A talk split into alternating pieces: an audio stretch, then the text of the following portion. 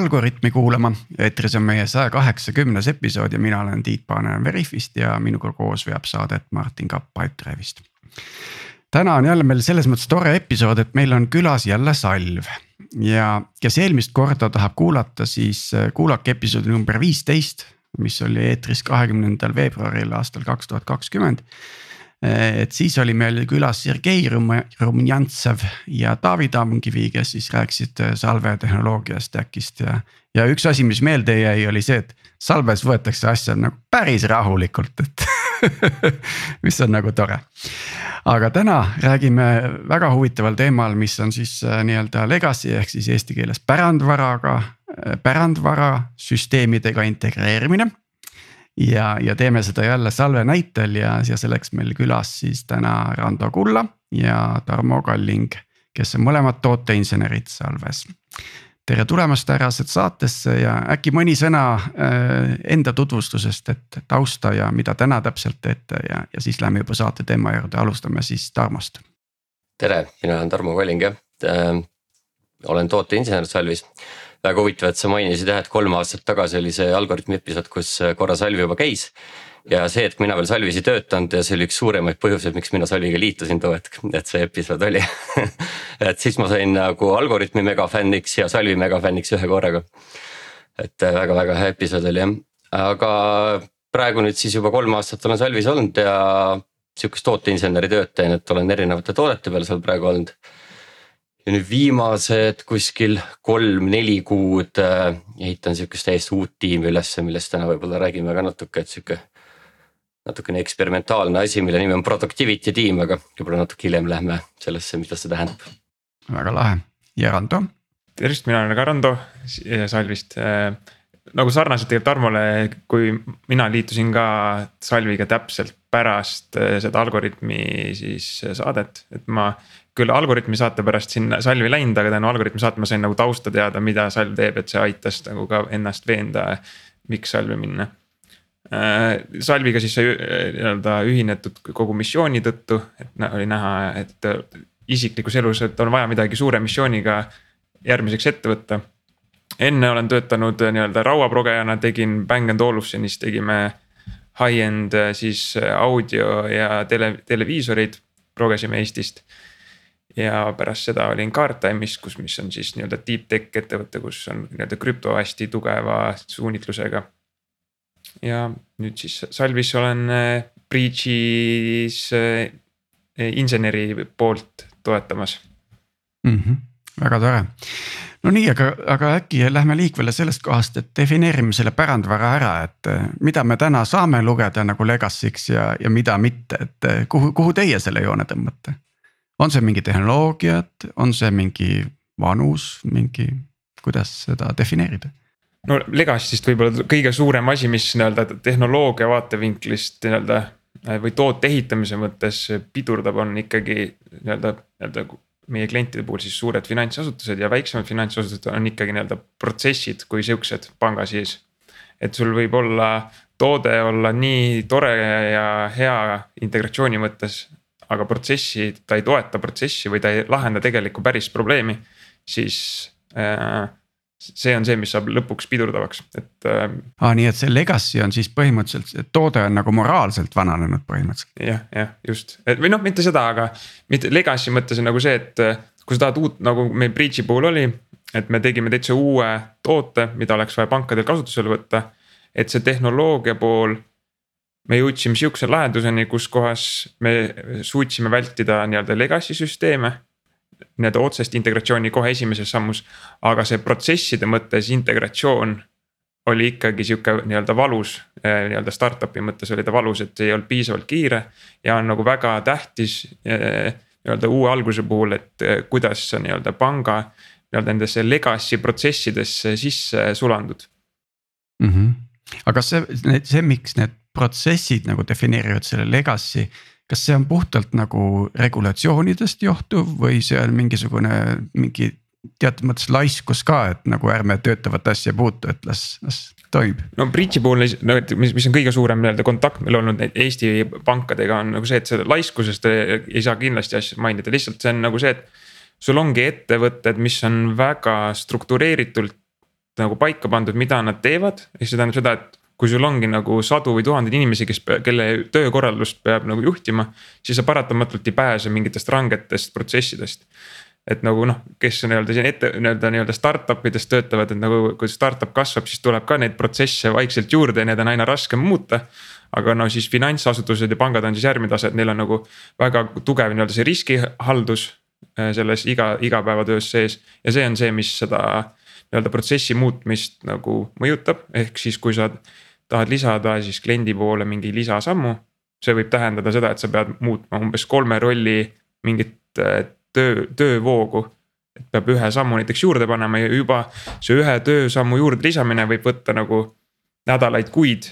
et sa saavutatud saad, eriti siis, kui see äh, lisatööülesanne, mis neile tuleb, ei ole nagu suure väärtusega ja on väga suure nii-öelda siis valuga tuleb ehk siis nii-öelda sellesse integratsiooni puhul peab väga tugevalt meeles pidama, et see väärtus, mis sa tahad nii-öelda kliendil müüa, see on piisavalt suur, et on, on motiveeritud liikuma kiiresti. ja sealsamas pidada meeles, et ta peab suhestuma siis kõikide olemasolevate protsesside nii-öelda kõrvale või vahele ja no arendajate huvides praegu äkki tropime need protsessid siit äh, pildilt välja Läheme tehnoloogia juurde, aga mis see salv bridge on? Ma võib-olla äkki alustaks üldse, mis salv üldse ise on, et äh, salv on siis finantskuritegevuse vastu võitlemise reaalaja platvorm ja kõike seda läbi koostöö. et meil tegelikult äh, salvis siis tooteid äh, sihukeses suuremas mastaabis on nagu neli toodet, mis on siis üks neist on riskide nii-öelda kliendi riskide haldamine, kuidas kliendi riskikäitumine on, siis on monitoorimine mida me omalt poolt siis, mis see tähendab, on see, et saad äh, finantsasutused saavad oma klientide nii-öelda siis nagu maksed. maksetest leida üles need riskantsemad maksed, see on sihuke. nii et teie leiate üles minu kasiinokülastuse mu väljavõttest põhimõtteliselt. põhimõtteliselt, aga see meie mm -hmm. siis tegelikult meie eesmärk on, me pakume tööriista ja mingil määral me siis äh, ka nõustame nii-öelda väiksemaid ettevõtteid või suur, noh ka suuremaid ettevõtteid mingil määral nõustame, et aga meie nagu eesmärk on tööriist pakkuda siis kolmandaks on, äh, nimetatakse inglise keeles on screening, eesti keeles on sõelumine. ehk siis see on seotud äh, äh, kõik selle terrorismi vastas, rahastamisvastasusega ja rahapesu tõkestamisega. et siis kokkuvõttes meie, meie valdkond on rahapesu tõkestamine, terrorismi rahastamise tõkestamise ja pettuste ja siis varguste vastu võitlemise tööriistade nii-öelda loomine ja neljas, neljas oli ka, et neljas on siis bridž ise, millest me üldse pihta hakkasime, et kuidas siis äh, üheks kommuuniks kokku pangad tuua ja nad omavahel suhtlema panna, et efektiivsemaks teha seda no mõned aastad tagasi pangad kõik libastusid nagu siin, no okei okay,, ma nüüd liialdan, ütleme nii, et mõned pangad libastusid erinevatel mood, erineval moel, eks ju. vist üks pank täiega lahkus üldse Eesti turult tänu sellele on ju, et, et et nüüd teie siis tulite õigel ajal appi, et enam ei libastuks niimoodi. just, et äh, üks, mis nende libastumine, üks on nagu siin nii-öelda noh, ettevõtte üldse riskitaluvus või mis on nende, nende klientide see. missugused kliendid on neile sobilikud ja mitte, ja siis teine nii-öelda siis kogu selles nii-öelda nii-öelda kogu see ökosüsteem, kus kohas finantsasutused paiknevad, et nii-öelda, nii-öelda wild west, et sul on äh, nii-öelda nii-öelda tavalised Eesti inimesed kui ka siis kuskilt välismaalt kriminaalid üritavad kuidagi raha pesta, varastada. ja mida me siis breach'i puhul äh, peame tähtsaks või see breach on nii-öelda siis meie, mis väärtust edasi veab, on see, et me näeme, et. et äh, üheskoos finantsasutused nagu saavad väga palju efektiivsemalt võidelda igast finantskuritegevuse vastu. et kui kujutad ette, kuidas finan-, nii-öelda kuritegevusmaailm töötab, on see, et neil on suured võrgustikud, kuidas nad suhtlevad omavahel, jagavad teadmisi, kus, mida teha, kuidas saab. ja samas ka kogu see iga erinevate pangateenuste nii-öelda valik võib tek-, tekitab olukorra, kus kohas kriminaalid siis saavad liikuda mitme finantsasutuse vahel nii-öelda nii-öelda varasi üpris lihtsasti ja me näeme siis, et see koostöö finantsasutuste vahel on väga suur võti selle jaoks, et suurendada seda nii-öelda protsenti, mil, millega, protsenti, et nii-öelda finantskuritegijaid kinni püüda mm. -hmm. nii, aga see breach ise, see on siis, ma saan aru, see integratsioonikiht, eks ju, või? ta on sihuke nii-öelda, ta on toruks äh, pankade vahel. aga ta ei ole nagu nii-öelda lihtsa toru. aga võib-olla alustaks selle poolt, et kuidas ta meil üldse alguse sai. et see on nagu ka tähtis, et äh, see, kuidas see üldse nagu jooksma saada sihukest uut asja, et äh, kuna noh, ta selles mõttes oli uus, et keegi ei olnud sihukesel skaalal seda asja ette enne võtnud, et meil Eesti pangad nagu on justkui väike turg. kõik Eestis teavad üksteist või vähemalt keegi onupoja kaudu, keegi teab kindlasti kedagi, kes töötab teises pangas ja et pankadeks on vaja siis infot vahetada, nad vahet-, neil olid olemas varem nii-öelda mingid lahendused selle jaoks, et kuidas küsida mingite pettuste korral äh, lisainfot või teavitada teist panka. Need ei olnud nagu struktureeritult ja need ei olnud väga efektiivsed ja nad töötasid nagu mingite personaalsete kontaktide peal. Nad ei olnud nii-öelda, ühesõnaga ei olnud struktureeritud ja kuidas me kõik see alguse sai, oli see, et me pankadel oli justkui probleem, nemad nägid seda probleemi. meie Salve poolt äh, Äh, nägime ka, et on vajalik seda, seda teostada informatsioonivahetus pankade vahel ja siis äh, saime omavahel kokku. siis loodi samamoodi erinevad kihid, äh, nii-öelda steering committee'd ja working group'id, kaasati siis avalikus sektoris ka AKI ja finantsinspektsioon ja ja rahandusministeerium selle jaoks, et aru saada, mis on siis lubatud ja mida saame siis omalt poolt pakkuda. ja jõudsime sihukese lahenduseni või nagu, nagu startup'is on tähtis see, et võimalikult kiiresti tõestada oma kasutusjuht ära. ja see oli nagu tehniliselt oli tegelikult alguses päris väljakutsuv. ehk siis lühidalt oli see, et me pidime jõudma mingi töötava lahenduseni nii, et see ei nõua pankade poolt ühtegi integratsiooni et see ei tähenda, see tähendab seda, et panga nii-öelda IT-süsteemidest ei peaks olema mingit nii-öelda, nii-öelda IT-tasemel kontakti, et me nägime, et kui me alustasime sellega kaks tuhat kakskümmend aasta lõpus, selle nii-öelda toote väljamõtlemisega. et selle jaoks, kui me oleksime vajanud äh, integratsiooni, see oleks tähendanud umbes aasta aega ootamist, sest et äh, suurtemates pankades on nii-öelda need äh, tööülesanded on juba poole nii-öelda aastaks ajaks ette arvut-, arvutatud ja see oli nagu üks väga tugev nõue, mille ümber me nagu alguses nagu üritasime siitpoolt kraapida ja teiselt poolt kraapida, et jõuda sihukese lahenduseni. Tarmo, aga räägime nüüd sellest arhitektuurist selle Bridge'il, et, et kas teil on mingi oma agent siis, kes on nii-öelda äh, platvorm agnostik või, või selle kliendile vastavaks kohandatud, et klient ise ei peaks seda integratsiooni kihti ehitama ma arvan, et Rando on varem sellest rääkimas, tema on rohkem Reachiga töötanud, et äkki Rando katab selle küsimuse. ühesõnaga, et Reachis tegelikult on, jõudsime, on end-to-end krüpteeritud sõnumivahetus justkui ja see töötab nii-öelda brauseri, brauseritest, et siis on nii-öelda user interface'i kaudu saavad nii-öelda agendid sisse logida aga seal on nagu väiksed nüansid selle jaoks, kuidas see krüpteerimine saab töötada, et ma liialt detailidesse ei hakka minema, kuidas see töötab, aga umbkaudu töötab äh, niimoodi, et meil on igal kasutajal on public private key ja see key on omakorda kaitstud mõnede mingite meetmetega. aga see ei vaja meiepoolset integratsiooni. ehk siis UI kaudu sisse logimine ja saab vahetada sõnumeid nii, et salv ise sisu ei näe seda võib natuke võib-olla võrrelda Signaliga sihukesest consumer maailmast, et kus on end-to-end encrypted message ja. ei ole mingit tsentraalset osapoolt, kes, kes ikkagi saaks need sõnumid kuidagi lahti. aga muidugi väga pankade spetsiifiline signaal siis võiks nii-öelda.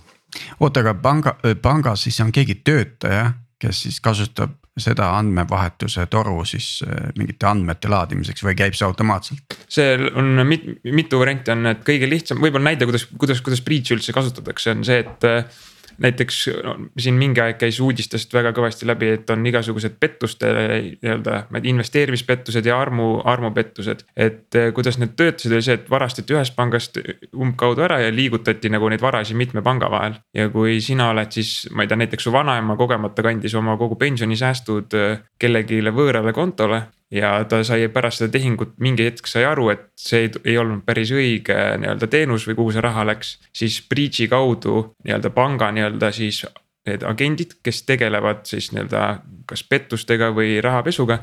Nad saavad Breach'i kaudu saata otsesõnumi vastaspanka.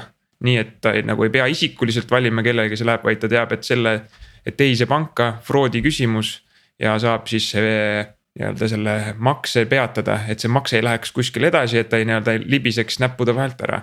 kuulge, aga ma küsin vahele, kas täna Swift töötab üle interneti või üle dedicated kanalite? seda ei oska öelda, aga Swifti mur-, varem seda kasutati, aga noh, Swifti mure, nii-öelda, mis oli mureks, oli see, et kogu see keerukus, et see Swifti toruots ei pruugi olla nagu nende agentide käes, et see on nagu nii-öelda tekitas probleeme see nii-öelda selle info kiiruse osas ja, ja ei olnud piisavalt efektiivne ja see tänu selle nende fraudi kaasustega me nagu, mis me nägime Eesti turul, see, et me suutsime nagu selle esialgse, esialgu selle fraudi nii-öelda efektiivselt kätte saadud protsent tõusis umbes kümnelt protsendilt kaheksakümnele. ehk siis kaheksakümmend fraudi makse, nii-öelda fraudi neid kaasustest saadi kinni aga nagu kriminaalide kombeks nad nagu nad muudavad oma skeemi üpris kiiresti, et meie üritame sama kiiresti nendega edasi liikuda, et uusi. uusi lahendusi välja tuua, mis nii-öelda seda nii-öelda murraks nende okay,. aga siis breach on, kas see on lühidalt siis sisuliselt nagu sihuke nagu enam-vähem in-app messaging teiste pankadega lihtsalt nendele. et saaks kiiresti jaole ja kiiresti vastaspoole kätte, et sa ei pea otsima kontakte, eks ole, seal ja. ja, ja kõike sihukest, eks ole. kas see on ainult pankade vahel või see on ka mingi ala täpselt mingi online kasiinode ja mingite sihukeste osapoolte vahel, kes kõik rahaga tegelevad? et äh, Breach'i praegu liikmeks on äh, Eesti, kõik Eesti pangad, kes Eesti üllat-, minu üllatuseks on neid äh, ametlikult on neid üheksa Eestis. ja lisaks ka välispankade filiaalid juures ja kogu võrgustik on nagu sinna paarikümne kanti, et seal on nagu erineva taustaga ettevõtteid, kes selles võrgustikus on.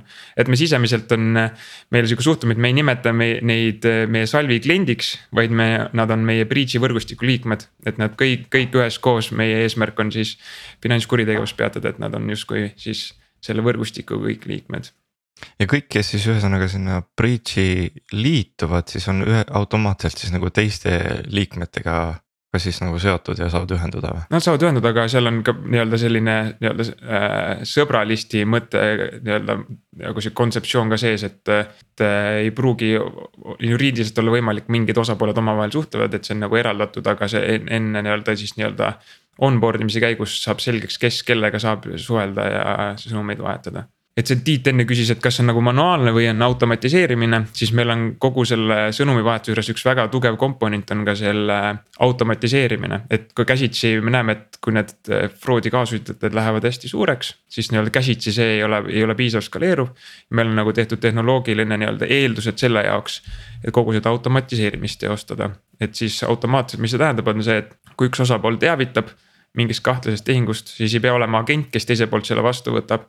vaid on ka siis, äh, ongi siis näiteks selle teise panga mingi monitoorimissüsteem, kontrollib, vaatab, kuidas see töötab.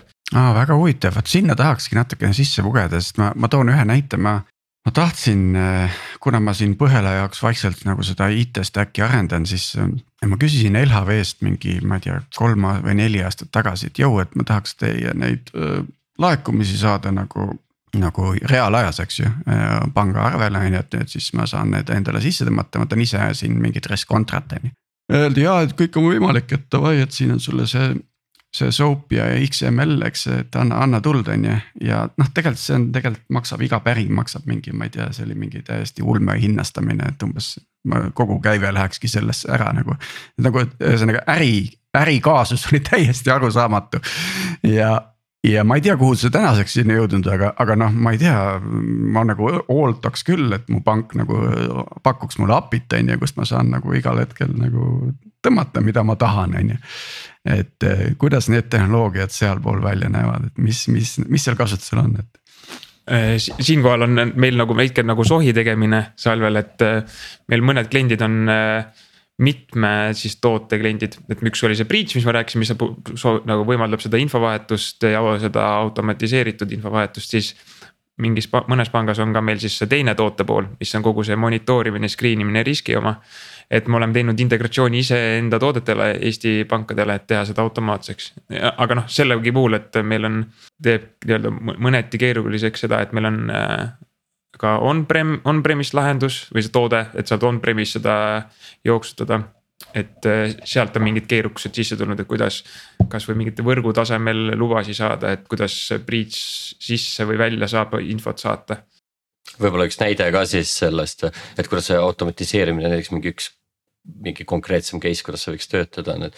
et oli juttu, et meil on see screen imistoode ja praegu võib-olla natuke populaarne teema ka, need sanktsioneeritud isikud eriti igasugused Vene oligarhid. ja kui nad nagu üldse, kui inimesed äh, raha vahetavad, siis äh, näiteks lähed kuskile panka X, siis on see vorm, täidad ära, et kelle sa raha saadad. siis äh, minule oli küll näiteks üllatus, et paljudes pankades see, mida sa sinna kirjutad, see ei ole tegelikult väga tähtis, keegi seda ei verifitseeri nagu mingid teatud väljad on tähtsad, kontonumber peab õige olema. aga see, mis sa sinna nime lahtrisse paned, võib panna näiteks Tiit Tallinnast või mida iganes, keegi ei verifitseeri seda. Aga ikkagi pangad peavad nagu screen ima vastu neid sanktsiooniliste neid nimesid. ja nüüd, kui tuleb pangast X panka Y mingi ülekanne ja siis see pank Y näiteks kasutab meie seda screen imissüsteemi.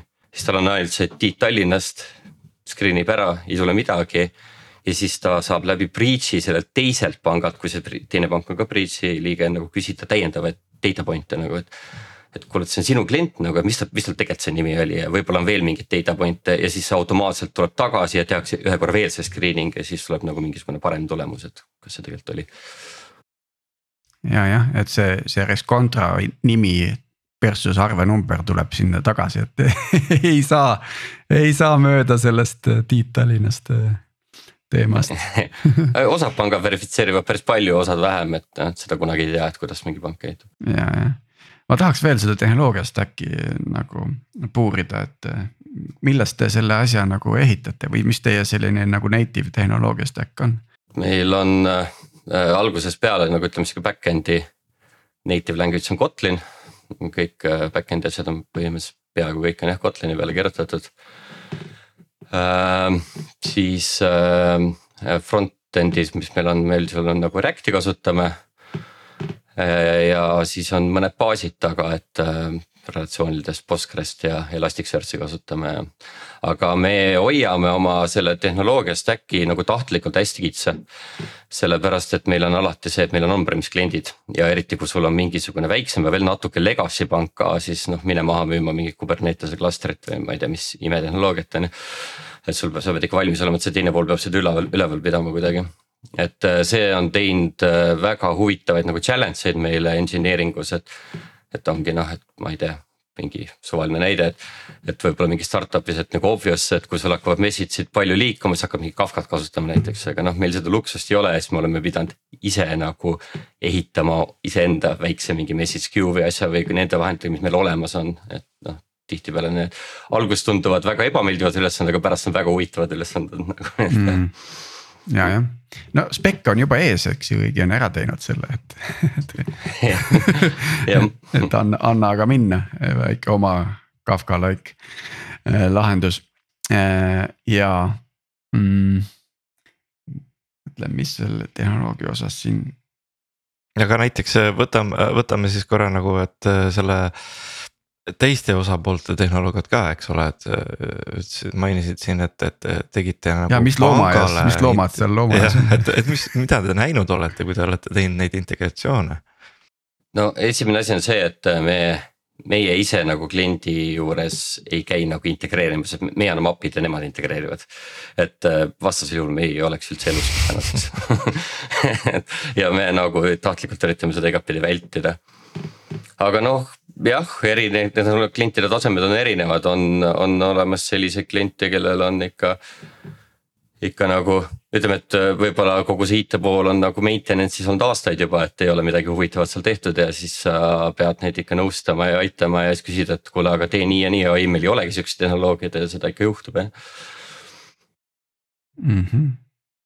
see andmete residentsus on vist ka teema teie puhul, eks ju et kuidas, kus, kus Salv ise elab jah, on kindlasti, see on väga tähtis teema meie klientide jaoks, et äh, siin Eestis on osad on äh, üldse, et noh, miks ongi, et tahavad on-premise'it, tahavad, et nende juures need andmed elaks äh,.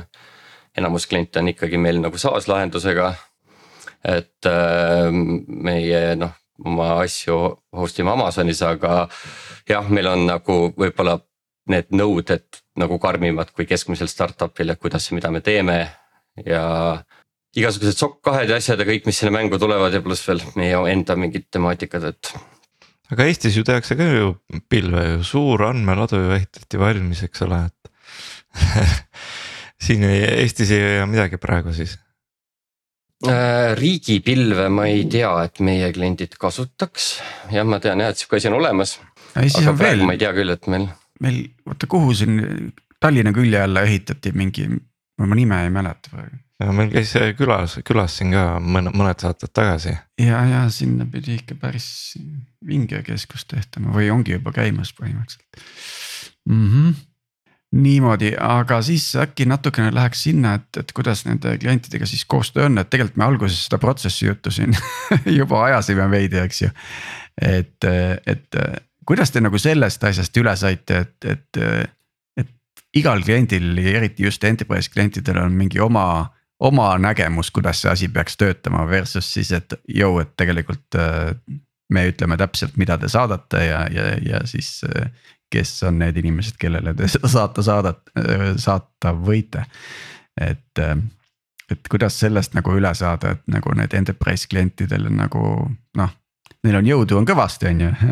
Nagu nii, nii ra, nagu rah, rahalises mõttes on see, see jõud tugev, eks ju, kui ka, kui ka see, et noh, okei okay,, et siis me ei saa, kui te ei paindu meie nõudmistele vastavalt. Ma või, võib-olla väikse taustaks, kus, kus, kus kohas üldse Salm nende klientide mõttes on, et meil nagu on kliente suurusjärk mingi paarikümnest riigist. kliente ise on sinna alla saja ja meil on, on nagu ongi tõesti kliente on nagu erinevatest liigadest, et on nagu väiksemad fintech'id. Nende puhul on justkui lihtsam, et meil see piirdub äh, sellega, et me tutvustame oma seda API-t, ideoloogia, kuidas API, API töötab ja räägime mingit tasemel nagu nii-öelda turva, turvanõudeid äh, üle, kuidas need asjad peaks töötama aga tõesti suurematel klientidel tegelikult see tehniline nii-öelda läbirääkimine hakkab juba nii-öelda pakkumise faasis. et me täida nagu insenerid on meil kaasatud äh, väga palju sihuke nagu RFP-desse, see on siis request for proposal'i nii-öelda sellesse protsessi sisse, et on nagu hästi suured küsimustikud nii-öelda turva, turvatasemel.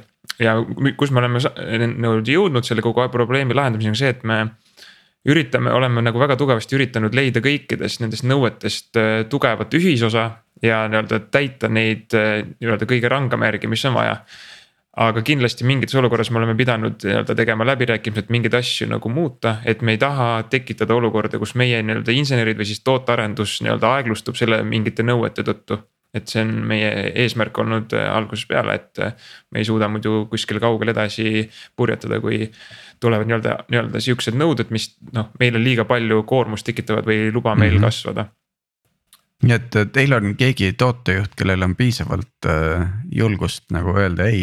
kusjuures meil tegelikult on see, et äh, meil nagu kõik nii-öelda insenerid suhtlevad otse klientidega, et meil nagu justkui kõik, kõik on nagu, nagu mingil määral vastutavad selle eest, et öelda, öelda ei. aga noh, kindlasti on mõnes nii-öelda kõrgemas liigas peab nagu seda teistmoodi serveerima, on ju. et see, see öelda, öelda, see on nagu kogu sihuke kommunikatsiooni, nagu läheb jälle sihuke inseneri ja kommunikatsiooni sihuke valdkonda see teema. palju teid üldse on, me nagu sellest ei alustanudki, et palju teid praegu on üldse seal, et mis eri tüüpi rolle teil üldse on? et inseneri, inseneritiim on tegelikult üllatavalt väike, et ma siin ühe tuttavaga äh, käisin äh, vist mingi pool aastat tagasi õhtusöögil äh, ühest teisest Eesti ettevõttest, siis mul tuli seal vist juttu ja siis ta ütles, et oh, teil on seal mingi farm ja et teil on seal mingi sada või kakssada progejat, et see ei ole üldse seksikas enam. ja siis ma ütlesin, et ei, et meil on kümme programmeerijat ja siis tal oli nagu karp lahti, et tegelikult ka ja umbes nii ongi, et noh, nüüd on natuke üle kümne inseneri. kokku meid on umbes, ma ei tea, kuuskümmend, seitsekümmend praegu, midagi sinna vahemikku ja, ja ma saan aru, et Salju on ka nagu suht, alguses tõstis päris suure tüki raha, aga pärast seda on nagu edasi bootstrap inud selle pealt nüüd natuke aega tagasi oli üks vahe, vahe nii-öelda kaasamine oli veel juures siin lähiajal. niimoodi ähm, hm, hm, hm kui nüüd ma mõtlen arendaja ja, ja ta suhtleb otse kliendiga, eks ju, ja, ja see enterprise kliendid ja nagu peakuju võib olla erinev, on ju. et, et mingeid soovitusi äkki, et kuidas siis seda kommunikatsiooni edukalt teha? no meil on niimoodi, et äh, meil on äh, tavaliselt siukesed jah, noh kuskil Slackis või kuskil mingi otsesuhtluskanal kliendiga äh,. tavaliselt, kui uus klient tuleb, siis on, määratakse talle dedicated engineer vähemalt integratsiooni faasi ja siis on äh, keegi customer support'ist ja võib, võib-olla keegi veel alguses. ja, ja siis, kui ta juba integreeritud on, siis äh, olenevalt kliendi suurusest, kas see dedicated engineer jääbki dedicated neile, neile või niimoodi, aga tavaliselt see integratsioonifaasiga need see, see peakuju tunnetamine tekib ära, et kuidas selle kliendiga suhelda ja, ja, ja integratsioonifaasid võivad, võivad olla kohati päris pikad, et sul on nagu aega kohaneda kliendiga et see võib olla nagu väga hästi läheb, võib siin kuuga minna, aga mingi väga suurel kliendil võib see pool aastat olla ja siis sa nagu saad ühele lainele kliendiga rohkem. et see asi ei ole nii hull enam aga nüüd inseneri vaatest on nagu, kui meil on kõik nii-öelda insenerid on nagu tooteinsenerid on ju, mitte lihtsalt justkui insenerid. et see, et sa esi, oled kliendiga algusest peale koos ja sa nagu tegelikult ka üritad mõista, mis kliendi mure on, et see tegelikult on väga suur panus nagu siis kogu ettevõtte toote ehitamisse, et. kindlasti olla kliendile nii lähedal kui võimalik ka insenerina, et noh, kuskilt läheb, on ju piir, et palju sa seal nii-öelda seda customer success'iga koos seda teed, teostad, aga tootearendamise mõttes on see väga tähtis, et näiteks kuna me oleme enda klientidega väga-väga lähedalt seotud, siis meil on mingid, mingi aja tagant on ka nii-öelda klientidega siuksed kokkusaamised, kus ka insenerid on kaasatud siis eh, lihtsalt õhtusöögi vormis eh, sai ühel korral ühe kliendiga räägida, et kuule, et me siin nii-öelda access log'is näeme, et eh, kuidagi, et õhtuti hilja mingi naljakas käitumismuster, et mis teed tootes seal, siis ta kurtis oma mure ära. me sõits-, sõitsime koju tagasi, teel insenerid tagaistmel tegid juba esimese versiooni sellest toote täiustamisest ära siis järgmise päeva õhtuks oli kliendil nii-öelda toode parendatud ja meil on, meil on päris mitu klienti, kes on hästi-hästi aktiivsed, et nagu lahe ongi see, et me või võib-olla nagu väljast olev inimene kujutab ette, et. et sihuke hästi enterprise pankade värk, et suured käsuliinid, aga ei ole niimoodi, et mina võin täiesti mingi. sellega, kes päriselt kasutab seda tarkvara selle agendiga on nagu mingi private chat ja siis ta ütleb, et oh, see on tegelikult päris ebamugav ja siis me kahekesi nagu brainstorm ime sellega nagu teise salvi töötajaga ja. ja teeme kohe mingi väikse sihukese proof of concept'i või midagi, et sihukest, et äh, see, kui, kui öelda niimoodi, et noh, et salvis töötamine, kuna see on pankadega töötamine on mingi sihuke pika vinnaga ja ei ole üldse nagu startup veel, ehk siis see on nagu müüt, et ei ole nii tegelikult mm.. aga nüüd ma tulen kohe sisse mingi SOC kahe ja change management policy'ga ja küsin, et kuidas see asi siis sealt äh, DM-ist nagu ja ta, auto tagaistmelt dokumentatsiooniks jõuab ja läbib mingisugused check'id. no see jõuabki nagu selles mõttes, et kuna me nagu, nagu Tarmo ütles ka tegelikult meil nagu kompaktsed tiimid on ju see kogu kommunikatsioon, et seda mingit asja nüüd on vaja teha, on ju, meil on nagu olemas kõik, kuidas product, product owner ka, ka sinna saab kaasatud ja kuidas see jõuab roadmap'i ja. kuidas ta roadmap'ist jõuab eh, nagu task'iks ja siis kõik asi saab review tud, et me et see on nagu kui me seda SOC kaheks ka valmistusime, siis meil oli taaskord oli nagu üritasime kõiki asju niimoodi teha. et kõik need protsessid, mis taaskord kirja lähevad, et need äh, ei pidurdaks toote arendamist, et sealt nagu kõik need nii-öelda väiksed jupid nagu lubavad seda kiiret äh, äh, nii-öelda toote arendamist teha. ma nüüd ei mäleta, võib-olla ma siin ajan segamini, kas Salvel on ka nagu oma pank olemas? ja eelmine kord meil oli juttu sellest, et meil on see eelmises algoritmis, et see fake bank jah, ja siiamaani töötab äh, et ütleme, et algusaegadel selle eelmise podcast'i ajal meil ei olnud veel väga suuri kliente, siis ta nagu põhjendas rohkem ennast ära, et meil oli vaja alates load test imisest lõpetades mingite fancy'de pattern idega, mis lihtsalt väikeste fintech idega välja ei tulnud. aga nüüd meil on juba nagu väga-väga suuri kliente, kellelt tuleb palju huvitavamaid asju, kui me sünteetiliselt suudaks toota, et äh, tema kasutegur on väiksem, aga jah, muidugi me ka kasutame seda siiamaani. ja, ja okei okay., et ma vist, mind huvitab see nagu sandboxing ja testkeskkonnad, et kuidas see nagu üles ehitatud? Meil on sihuke jah hästi standardne tavaline pipeline, et. et meil on nagu staging keskkond, kuhu asjad lähevad, kohe kui midagi master'isse läheb, läheb ta automaatselt ka staging usse. ja, ja, ja siis edasi tuleb demo ja siis production, et äh, ja meil on siis nii, et iga arendaja ise deploy ib oma asjad kuni lõpuni välja oma arenduse.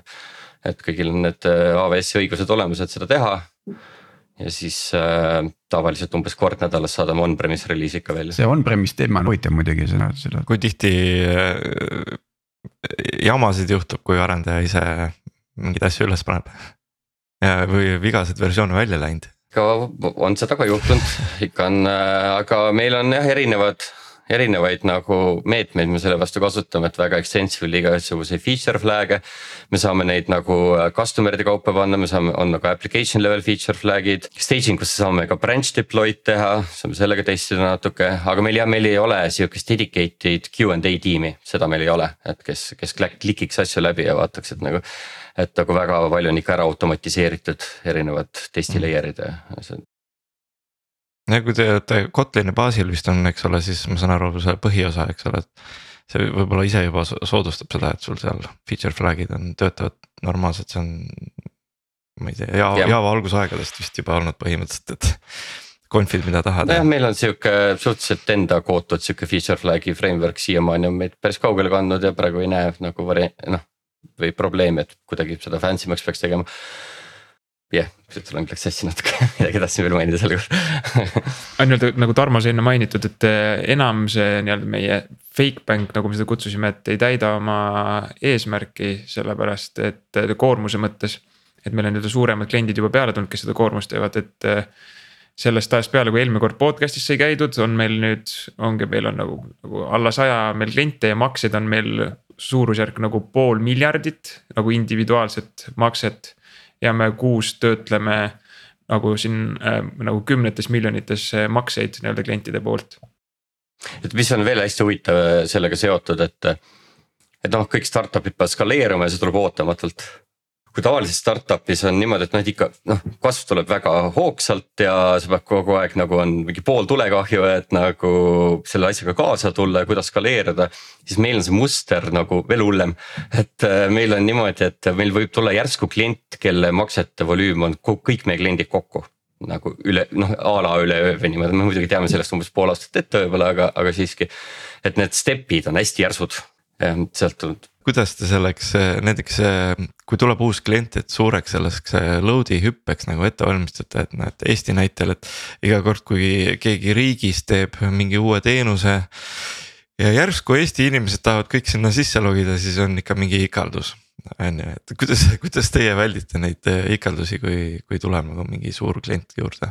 nojah, meil on ka nagu nagu, nagu riigil, aga et selles suhtes, et me teame ette, et noh, riik ka teab, et nüüd tuleb see tulumaksupäev, et nüüd on nagu jama, aga me. ma, ma ei, ma, ma ei, ma ei isegi ei oska kommenteerida, miks riik sellest piisavalt hästi ette valmistada ei saa. aga noh, me teame ka ette ja, ja siis selleks hetkeks me ikka skaleerime oma klass- klastri ülesse või äh, kui on nagu sihuke, et nagu me ei ole varem sihukest asja näinudki, et siis meil on ikkagi vahendid olemas, kas selle fake bank'iga või, või kuidagi muud moodi, et see läbi mängida, et, et mis need pudelikaelad üldse olla võivad ma kujutan ette, et mingisugused äh, queue ja rate limiting'i süsteemid igaks juhuks alguses võib-olla on ka tugevamad. jah, just siin eelmine nädal natuke tuunisin veel neid, et äh, panganduses on sihuke huvitav päev, et nüüd olid need pühad, suur reede ja siis Euroopas on nagu veel eriti pikk, see on esmaspäev oli ka veel vaba. ja pärast seda tuleb nagu mingi laviini tagant nagu mingi meeletu hulk makseid. ja siis meil oli eelmine nädal just oli sihuke kõva ettevalmistus, et, et me ikka püsiks üleval, kui, kui see kõik juhtub korraga, aga noh, läks hästi aga see on siis, et kes seda kalendrit jälgib nagu, et ma kujutan ette, et tegelikult see on nagu jah, sihuke. see ei ole isegi nii tehnoloogiline asi, vaid see on pigem nagu teatud ajad aastas, noh, eks eks ole. Siin tuleb nagu kasuks see, et meil on klientidega endaga nagu nii hea suhe, nagu me enne nagu rääkisime, et eks nad ise annavad meile ka teada. aga meil on ikkagi tööl nagu väga palju inimesi compliance'is, kes on varem selles sektoris olnud ja kes juba teavad neid valukohti ja, ja noh, mina kui insener tihti ei tea, aga tuleb mingi inimene, kes on töötanud kuskil suures pangas ja ütleb, kuule, et sihuke üllatus on tulemas, et ole, ole valmis aga kas te skaleerite nagu, on mingi automaatne scaler ka kusagil või, või kuidas see käib? hetkel ei ole seda, et me nagu automaatselt kohe klastril mingi node'i juurde panema hakkaks. seal on nagu erinevad asjad, see on sihukest fine balance'it vaja otsida, et äh, nagu, et miks, miks, miks seda ei ole väga lihtne praegu teha. et äh, skaleerida äpid ülesse, tuleb mingid andmebaasi ühendustest puudu, siis pead andmebaasi skaleerima niimoodi, et noh, hetkel ei ole veel vajadust olnud seda kõike ära automatiseerida. See on pigem ikkagi, et jõ- jõuate nagu jälgida, kui vähegi ettegi teada, et pühad on ja pühade Jah. lõpp on täpsemini, eks ole. jah, just. et see on, see on nagu huvitav teema, ma ise mõtlesin veel siia lõppu natukene mõelda selles perspektiivis, et, et te olete ka nüüd nagu väga korraliku ründevektori nagu üks ründevektoritest, eks ju, mida rünnata, eks ju, et noh, teil on. no ma ei tea, noh. Teil on kogu see kraab on teie käes nagu, mis pankade vahel liigub nagu, mis puudutab no just nagu selliseid äh, küberkuritegevusega seotud andmeid, eks ju et, et äh, kuidas siis sellega nagu toime tulla? üks, üks asi, mis oli muidugi tore, sa kohe mainisid ära, et see tehnoloogia stack on nagu kitsas, eks ju, konkreetne. et, et äh, aga võib-olla veel mingeid soovitusi äkki? Kindlasti on suureks igast, nii-öelda, nii-öelda juhurünnakute jaoks on nagu ikkagi meil on nagu kogu asi nagu Cloudflare'i taga, nagu Cloudflare võtab mingi esimese hoobi enda peale. ja samamoodi on meil siis nagu AWS-i need application load balancer'id ka aitavad nagu seda järgmise tasemel mingil, mingil määral neid äh, välja sõeluda. et äh, nii-öelda mingites olukordades, kus me saame, meil on nagu strict nagu IP whitelisting et äh, me lubame ligipääsu ainult siis whitelist itud äh, IP aadressidelt. et see juba tõmbab selle ründevektori väga alla, muidugi, et kui on keegi juba sealpool võrgus, keegi ennast sisse suutnud seada, aga see on juba sihuke dedicated rünnak, mis on nagu noh, juba niigi, niigi loomult keeruline. aga kas te monitorite nagu kuidagi kahtlast tegevust oma süsteemides ka niimoodi ma ei tea, on inimene, kes seda teeb või on, on mingi automaatika, mis seda teeb, et näed. võib-olla see on mingi väga aeglane rünnak, mida nagu ei olegi võimalik kohe nagu tuvastada, et läbi kuskilt imelikku pidi. no meil ühesõnaga nii-öelda võrgu tasemel või kuna meil on eraldi infratiim, kes seda tegeleb, no võrgu tasemel on igast on meil need anomaaliad tuvastamise süsteemid paigas, aga meil rakenduse tasemel on nagu meil tegelikult on väga tugev nii-öelda monitoorimine paigas ja meil on. kõik arendajad saavad ka mingitest nii-öelda veateadetest saame üpris kiiresti teada, kui midagi tuleb, et kui sealt tundub juba midagi kahtlast siis me saame sealt sisse vaadata, et see nagu rakenduse tasemel monitoorimine on, on nagu aitab meil nagu leida, noh siiamaani me pole midagi leidnud, aga noh, oleme jõudnud selleni, et on meie enda kliendid olnud, kes on mingeid äh, nii-öelda huvitavaid pattern eid suutnud välja mõelda, kuidas seda toodet kasutada. aastavahetusel oli ju äh,, oli vist aastavahetusel või, oli see Log4j teema, kuidas teie selle, sellega hakkama saite? Ei tea, kas Tarmo oskab selle kohta rohkem öelda, aga meil, me, me, meie need depend-, meie dependency test oli vist see, et meil oli see, ei olnud see otse see core API ei olnud see vist külge pandud see dependency'na, mis oli nii-öelda haavatud? vist ei olnud, ma ka väga täpselt nüüd enam ei mäleta, aga kas äkki oli see kuidagi kuidagi mingi kolmanda komponendiga oli natuke seotud, et mingi Elasticsearch kasutas seda kuidagi või mingi sihuke asi, aga meil oli jah, see, see service oli nagu väga-väga väike. et äh, õnneks läks meist suht mööda. no nii, aga jah, Martin. sa tahtsid juba kokku võtta või? tegelikult üks teema on väike veel ju. et millest me ei jõudnudki väga rääkida, sa Tarmo mainisid, et sa tegeled üldse arendajate produktiivsusega poolega või? aa oh, jaa, jah, et noh, nagu Rando ennem rääkis, et meil on nagu siuksed tiimid, et või noh, tooted, et äh, screening, monitooring, risk ja, ja siis breach äh,. siis ütleme, et noh, breach on nüüd natuke nagu eraldi sihuke ui suhteliselt, kuigi seal on nüüd juba mingid interaktsioonikohad, aga võtame need ülejäänud kolm. ja siis on nagu see kasutaja, kuidas seda kasutab, see on üks sama ui kõik on ju ja siis nagu iga selle toote peal on oma tiim ja sii-, noh, väga kaua me saime niimoodi läbi, et seda common part'i, et kuidas see kogu see UI kõik see back-end töötab. et nagu igaüks tegi natuke ja see töötas. aga nüüd on nagu, mida see keerulisemaks läheb, seda keeruliseks läheb seda, see, see vastutuse jagamine. ja siis äh, umbes pool aastat tagasi hakkasime proovima, et äkki küll, et teeks siis äh, sihukese eraldi tiimi ei leidnud head nime, lõpuks jõudsime siis productivity tiimi otsa, siiamaani ei tea, kas see stick ib. et äh, kes siis tegeleb sihukese common workflow dega, et neid on nagu väga-väga palju seal rakenduses, et alates sellest, kuidas andmed üldse salvi saavad. Äh, seal on igasugused no kuidas agent näiteks töötab, et seal on noh, need erinevad tooted on need monitooringud, screen'id, aga lõpuks on, võib öelda, et ikka mingi alert, mis tuleb välja ja millel on väga sarnased flow'd, kuidas seda lahendatakse ja kuidas see kõik töötab, et siis äh, sihukese väike, praegu on sihuke hästi mikrotiim mul, et mina ja üks teine tüüp kahekesi üritame seda teha. ja, ja nagu, mis võib-olla siin ongi see just raske see, et see piiride paikapanemine, kus nüüd läheb screening'u vastutusele ja kus mina hakkan nagu, nagu sisse astuma, et siiamaani otsime seda kohta täpselt. et see on see eksperiment. see on väga huvitav, sellepärast et noh, et jah, et mina, ma olen seda ka paar korda näinud, et arendustiimi kasvades just, eks ole, muutub see järjest äh, olulisemaks, on ju. et kui sul on nagu vähe inimesi, siis saavad kõik omavahel jutustatud üle laua, noh okei okay,, tänapäeval üle Zoom'i kõne või kus iganes aga, aga jah, et mida rohkem kasvab, eks ole, seda rohkem see olulisemaks muutub, et üksteise varvastele või sõrmedele ei astuta, eks ole. jah, siis on seda platvormi sinna alla vaja ja mingeid lepinguid vastu seda platvormi ja, ja sõltuvuste haldus ja kõik läheb päris keeruliseks. et äh, ja mis, mis nagu noh teeb nagu keeruliseks ja samas ka lihtsaks meile asja on see, et me oleme endiselt sihuke monorepo ja suhteliselt monoliitne rakendus.